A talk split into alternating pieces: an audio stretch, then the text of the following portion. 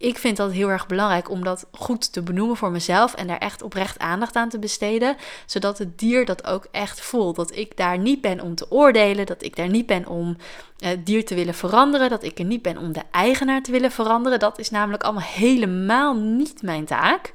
Ik ben er puur en alleen om helder en objectief te luisteren en te vertalen. Dus ik luister naar het dier, ik luister naar de eigenaar en dat wat het dier vertelt, dat geef ik door aan de eigenaar en dat wat de eigenaar vertelt, dat geef ik door aan het dier. Hey, ik ben Ankie en dit is de In Verbinding met Je Dier podcast. Leuk dat je luistert. Ja, hallo allemaal. Welkom bij weer een nieuwe aflevering van de In Verbinding met Je Dier podcast. Nu ik deze podcast opneem, is het vrijdagmiddag. Ik ga bijna aan mijn weekend beginnen, maar niet voordat ik nog even een podcastaflevering voor jullie maak. Ik heb net al een hele leuke podcastaflevering uh, opgenomen uh, met uh, gasten in de podcast. twee gasten tegelijk in de podcast. Het was nog heel leuk om uh, ik zit er even na te denken, maar als, als uh, deze podcast online komt, staat die podcast waarschijnlijk ook al online. Uh, maar het was heel leuk om, om, om, het is sowieso leuk om gasten, om, om iemand te gast te hebben in de podcast, maar nu dus twee gasten. En dat is ook weer leuk, want het geeft weer een hele andere dynamiek. Um, en het was ook gewoon even een beetje spannend om te kijken of dat technisch allemaal ging, hè, want ik neem die podcastaflevering dan met gasten, neem ik meestal op via videobellen. Want de meeste gasten die in mijn podcast komen, die wonen nou net niet bij mij in de buurt. dus dan is het gewoon heel handig om met elkaar te kunnen videobellen en zo een aflevering op te kunnen nemen. En een gesprek te voeren en dat voor jullie op te nemen. Maar daar komt technisch uh, altijd even uh, het een en ander bij kijken. Dus ik ben heel blij dat het allemaal is gelukt. En het was een heel leuk, inspirerend gesprek. Als het goed is, staat hij al online. Is de aflevering hiervoor. Het is de aflevering waarin Vera en Renske te gast zijn en zij vertellen hoe je het lichaamsbewustzijn van je paard kunt trainen op een creatieve manier. En uh, nou ja, als je daar meer over wil weten, ga lekker de aflevering luisteren. Maar ik, uh, ik had hun echt uitgenodigd in de podcast omdat ik gewoon heel um, enthousiast ben over die manier van trainen. Ik heb die manier van trainen zelf bij mijn paard ook toegepast. Ik heb daarin heel veel van Vera en Renske mogen leren. En het heeft voor mij en voor mijn paard gewoon heel positief uh, verschil gemaakt. Dus als je die aflevering nog niet hebt geluisterd en je hebt wel een paard in je leven, ga het lekker luisteren. Want ik weet zeker dat je daar heel veel aan gaat hebben. Um, dan gaan we nu, vandaag gaan we even um, verder met um, de kleine miniserie die, die ik aan het maken ben over uh, de basisvaardigheden, de basisskills van het telepathisch communiceren. Het onderwerp waar we het vandaag over gaan hebben is de invloed van jouw intentie op uh, het gesprek wat je voert met een dier. Als je daadwerkelijk met, met dieren leert communiceren, dan ga je natuurlijk met een dier een gesprek voeren, zeg maar. Um, en dan heeft jouw intentie heeft er heel veel invloed op. Dus daar ga ik zo meteen uh, lekker met je op in. Maar eerst heb ik gewoon zin om nog even wat andere dingen met je te delen. Dus als je dat leuk vindt, blijf lekker luisteren. Als je denkt, ik heb geen zin in dat geklets, ik wil gewoon even to the point luisteren naar de inhoud van de podcast, moet je even een stukje doorspoelen. Ik denk dat ik wel even vijf minuten nog even over andere dingen het kletsen ben. Op een of andere manier is de podcast ook wel een beetje mijn uitlaatklep. Ik heb eigenlijk ook doordat ik een podcast heb, heb ik ontdekt dat ik heel erg dat ik het heel fijn vind om dingen te vertellen en te verwoorden. Dat dat een van de manieren is waarop ik me heel goed kan uiten. En ik vind dat heel gewoon heel gezellig om met jullie even, even bij te kletsen of zo. Zo voelt het dan. Uh, um, en kijk, het is natuurlijk beperkt bijkletsen, want ik zie niet jullie reactie, maar ik krijg af en toe wel berichtjes van jullie uh, waarin jullie dan ook reageren op wat ik vertel. En dat vind ik dan ook altijd heel erg leuk. Dus als er op, op wil reageren, stuur me gerust een berichtje. Mag altijd, vind alleen maar heel leuk. Um, even denken, wat wil ik met jullie delen? Oh ja, ik heb vanochtend zelf weer even ervaren wat de meerwaarde is. Eigenlijk hier zou ik een aparte podcastaflevering over kunnen maken. Maar dat is ook een punt. Ik heb nu dus bedacht, ik ga even een serie maken met zes uh, afleveringen over de basisvaardigheden van telepathisch communiceren. Superleuk. Maar ik heb dus ondertussen, blijft de inspiratie voor de podcast doorstromen. Maar ik zit echt zo van, wanneer ga ik dat doen? Want ik heb nu die, die serie met basisvaardigheden die ik nu voor jullie maak. En ik heb nu elke keer gasten in de podcast.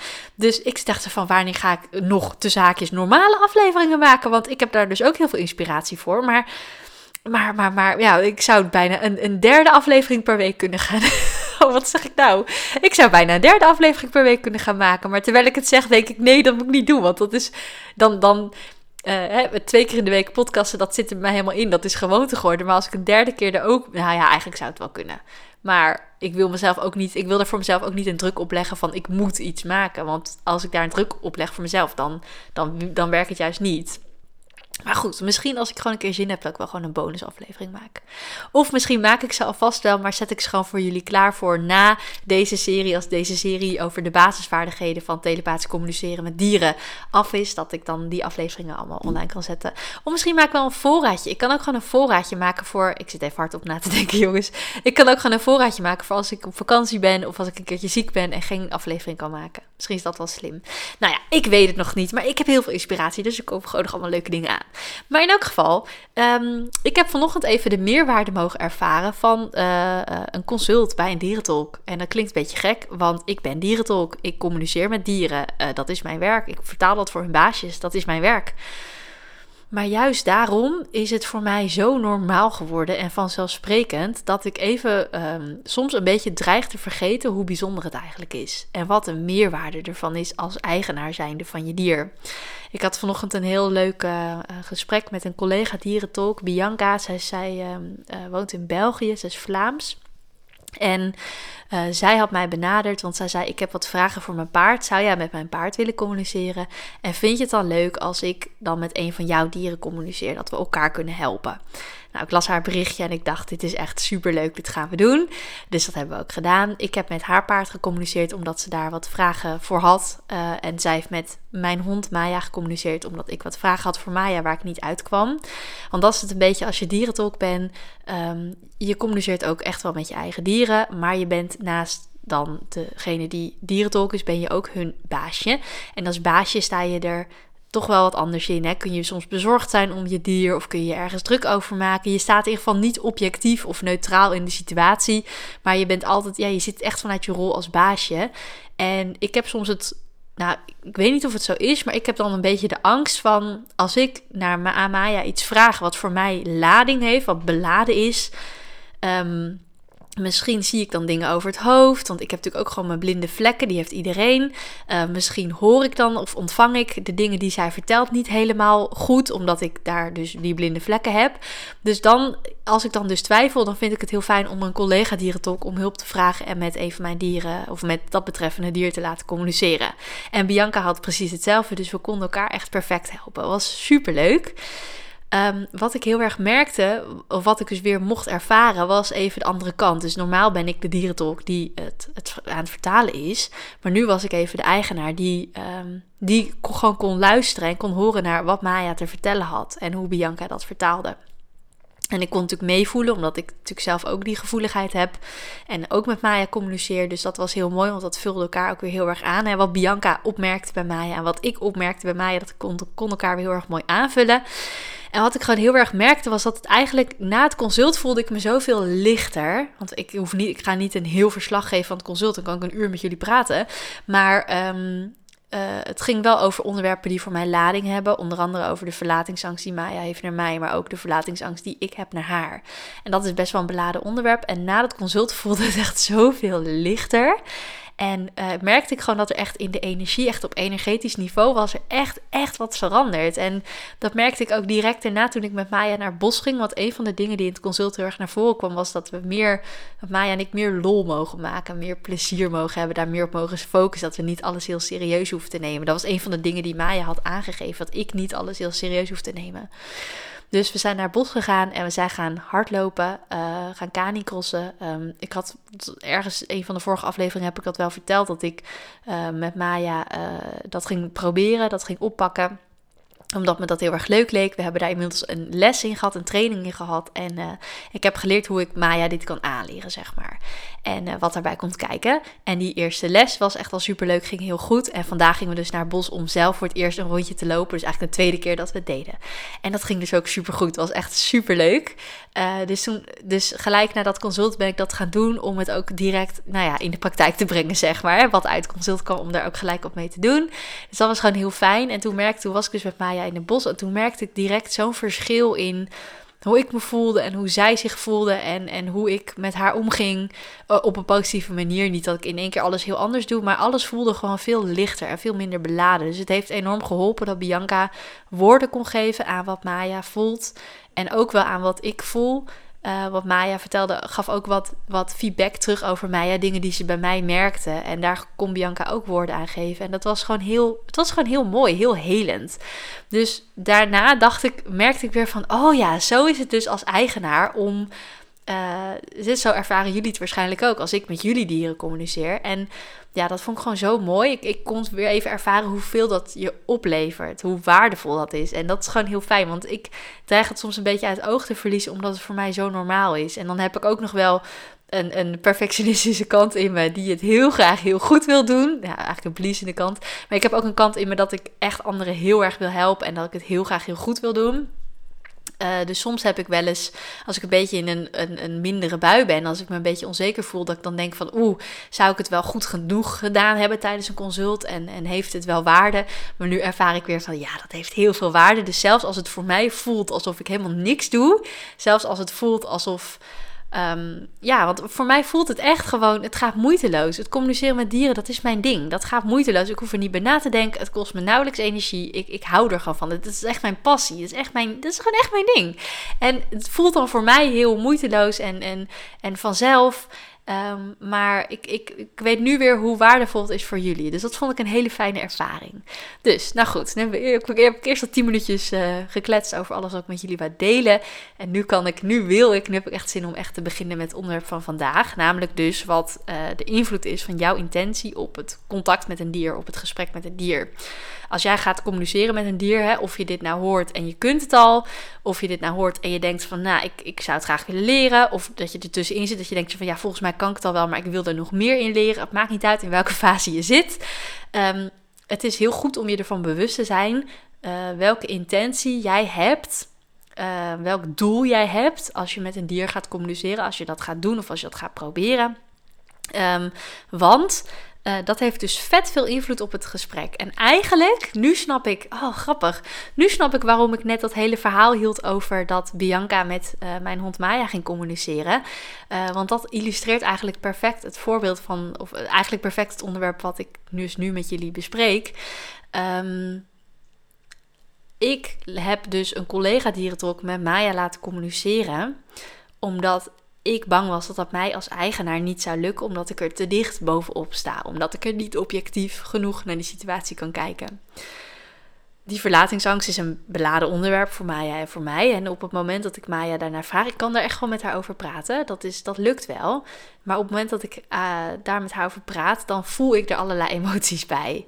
Um, dan voel ik me, waar, wat bijvoorbeeld in het consult naar voren kwam, was dat ik me wel eens schuldig voel. Want Maya wil niet alleen thuis blijven, maar soms moet ik gewoon ergens naartoe waar zij niet mee naartoe kan. En dan breng ik haar naar een oppas. Ik heb verschillende mensen om me heen die allemaal, waar Maya allemaal een sterke band mee heeft en die allemaal op Maya passen. En Maya heeft daar altijd hartstikke naar de zin. Maar op het moment dat ik Maya erheen breng en haar daar achterlaat, dan weet ik van, nu gaat het moment komen wat Maya niet leuk vindt. Namelijk, dan ga ik weg en wordt ze onrustig.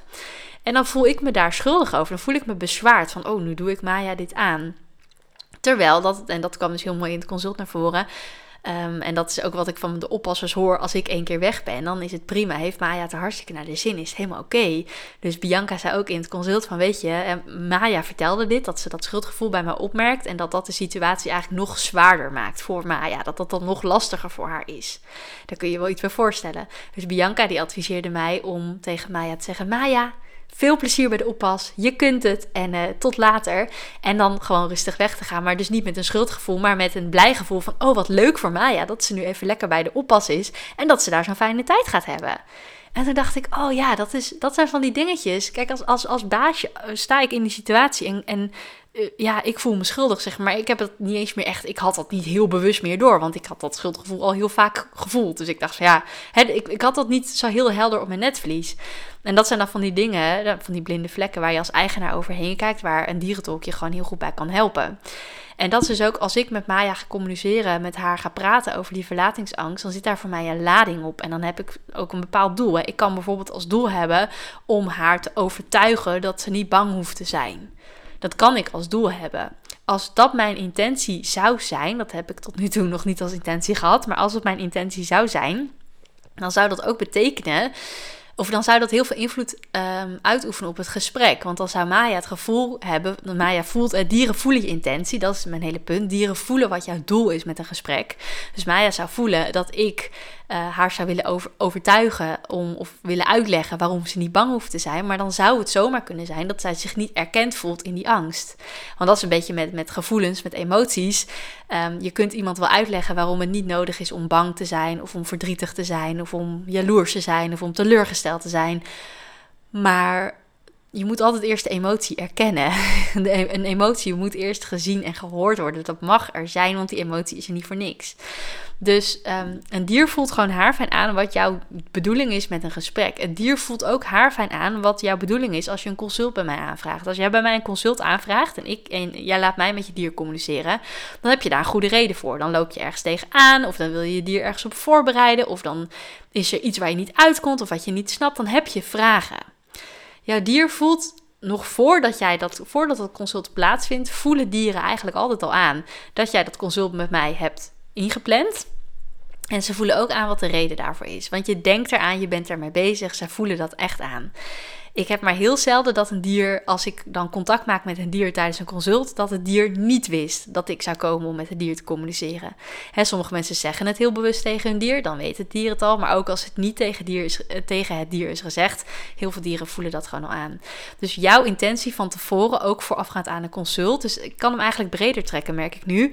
Um, jouw intentie voorafgaand als je zelf met een dier gaat communiceren, of als je dat laat doen door mij of door een andere dierentalk die intentie is echt heel bepalend voor het gesprek. Ik heb wel eens een, een consult gehad waarbij de eigenaresse was met een paard.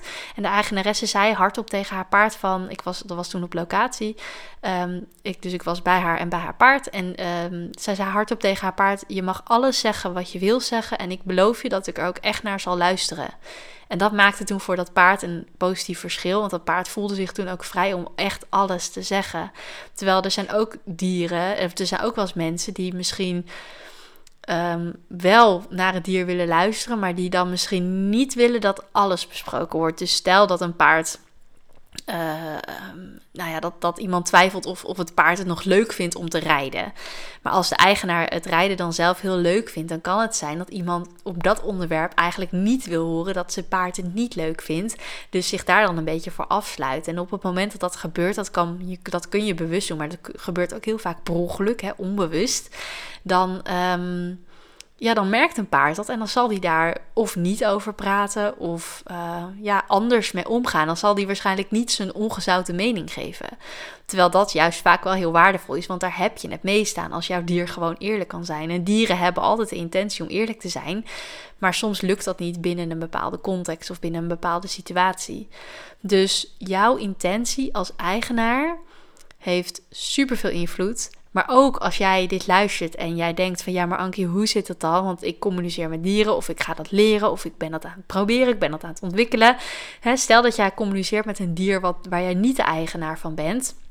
Ook dan heeft je intentie net zoveel invloed. Want als ik ga communiceren met een dier met het doel om het dier ergens van te overtuigen of om het dier te willen veranderen, ja, dan voelt het dier dat aan en dan zal dat gesprek helemaal niet zo fijn lopen als dat ik bijvoorbeeld de intentie heb van hey, het dier loopt tegen problemen aan, de eigenaar loopt tegen problemen aan. Hè, er zijn uitdagingen waar ze tegenaan lopen.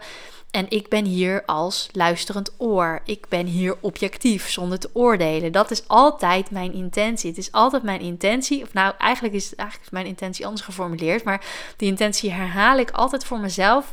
Voordat ik in gesprek ga met een dier, herhaal ik altijd die intentie voor mezelf. Namelijk, het is mijn intentie om zo helder en objectief mogelijk te luisteren. En te vertalen tussen dit dier en uh, zijn baasje. Want ik vind dat heel erg belangrijk om dat goed te benoemen voor mezelf en daar echt oprecht aandacht aan te besteden, zodat het dier dat ook echt voelt. Dat ik daar niet ben om te oordelen, dat ik daar niet ben om het dier te willen veranderen, dat ik er niet ben om de eigenaar te willen veranderen. Dat is namelijk allemaal helemaal niet mijn taak. Ik ben er puur en alleen om helder en objectief te luisteren en te vertalen. Dus ik luister naar het dier, ik luister naar de eigenaar en dat wat het dier vertelt, dat geef ik door aan de eigenaar en dat wat de eigenaar vertelt, dat geef ik door aan het dier. Vaak helpt dat voor dieren ook heel erg, want dan begrijpen ze ook eens waarom hun eigenaar bepaalde dingen op een bepaalde manier doet. Dat werkt heel erg verbindend tussen mensen en dieren. Dat geeft heel veel helderheid. Dat geeft heel veel ja, kracht eigenlijk wel. En heel veel vertrouwen, heel veel ontspanning. Ja, ik kan het nou zelf uit eigen ervaring ook weer zeggen, omdat ik het vanochtend zelf heb mogen ervaren. Dus um, ja, samenvattend kan ik zeggen, jouw intentie of je nou zelf met een dier gaat communiceren of met een dier laat communiceren, of het nou je eigen dier is of dat je communiceert met een ander dier wat niet van jou is, dat maakt eigenlijk niet uit. Jouw intentie is echt heel erg bepalend voor het gesprek. Je kunt het ook wel vergelijken met eh, als je een gesprek hebt met mensen om je heen. Stel dat er uh, zo'n verkoper uh, aan de deur komt of iemand die zo'n verkoper die op straat aanspreekt. Ik vind dat, nou het gebeurt niet heel vaak, maar ik vind dat soort gesprekken meestal niet zo fijn. Omdat ik, hè, dan, vraag hem, dan vraagt zo'n verkoper bijvoorbeeld, ja hoe is het met je? Maar dan voel ik, nou jij bent niet oprecht benieuwd hoe het met me is. Jij wil gewoon iets verkopen. Je hebt een hele andere intentie. Nou, dan voel ik me vaak al een beetje kriegelig worden of een beetje nerveus worden, omdat ik denk van, hm, wat wil je nou van mij? En dat kunnen dieren dus net zo goed hebben. Terwijl het is een enorm verschil als iemand die mij heel dierbaar is, die dicht bij mij staat, oprecht vraagt, hey Ankie, hoe gaat het nou met je? Dan voel ik, oké, jij bent echt geïnteresseerd, dus jij meent wat je zegt. Oké, dan voel ik me veilig om, om, om me te uiten en om daarover te praten of om te vertellen hoe het echt daadwerkelijk met me is en hoe ik me echt voel. En dan krijg je ook het eerlijke antwoord. Dus um, ja, nou, ik denk dat ik daarmee veel kan afsluiten. Uh, jouw intentie is echt bepalend voor het gesprek met het dier. Uh, dus als je je daarvan bewust bent, kun je dat gewoon heel helder formuleren. En uh, ja, dat, die helderheid ook voor jezelf scheppen. En daarmee help je, je dier ook. En zul je ook merken dat je eigenlijk nog meer uit het gesprek kunt halen. Dat je daar nog meer van kunt leren. Dus ik heb gezegd wat ik wil zeggen. Ik voel dat alles, ja, alles wat ik wil zeggen zit erin. Uh, volgens mij heb ik enorm wijze woorden uitgesproken. een beetje, het voelt een beetje gek om dat van mezelf te zeggen, maar ik voel wel, als ik het dan aan het vertellen ben, dat er een bepaalde, bepaalde kracht uitkomt, zeg maar. En die zit er nu in. Dus ik ga uh, ik hoef er verder ook niks aan toe te voegen. Dit is wat het is en ik hoop dat je er wat aan hebt en dat je er wat, uh, dat je er wat mee kunt. Dus uh, dankjewel voor het luisteren. Laat me even weten wat je van de aflevering vindt, want dat vind ik heel erg leuk om te horen. Um, deel deze aflevering ook gerust met anderen. Als je denkt, hey, ik ken iemand die dit ook interessant vindt, stuur hem lekker door. Um, en dan hoor je mij in de volgende aflevering weer. Dus voor nu, dankjewel. Ik wens je een hele fijne rest van je dag en tot de volgende aflevering. Leuk dat je hebt geluisterd naar de In Verbinding met Je Dier podcast. Vond je nou interessant? Deel hem dan vooral met anderen en laat mij weten wat je ervan vond. Wil je nou meer inspiratie en tips ontvangen? Volg me dan ook op Instagram, dierencoachankie. Tot de volgende!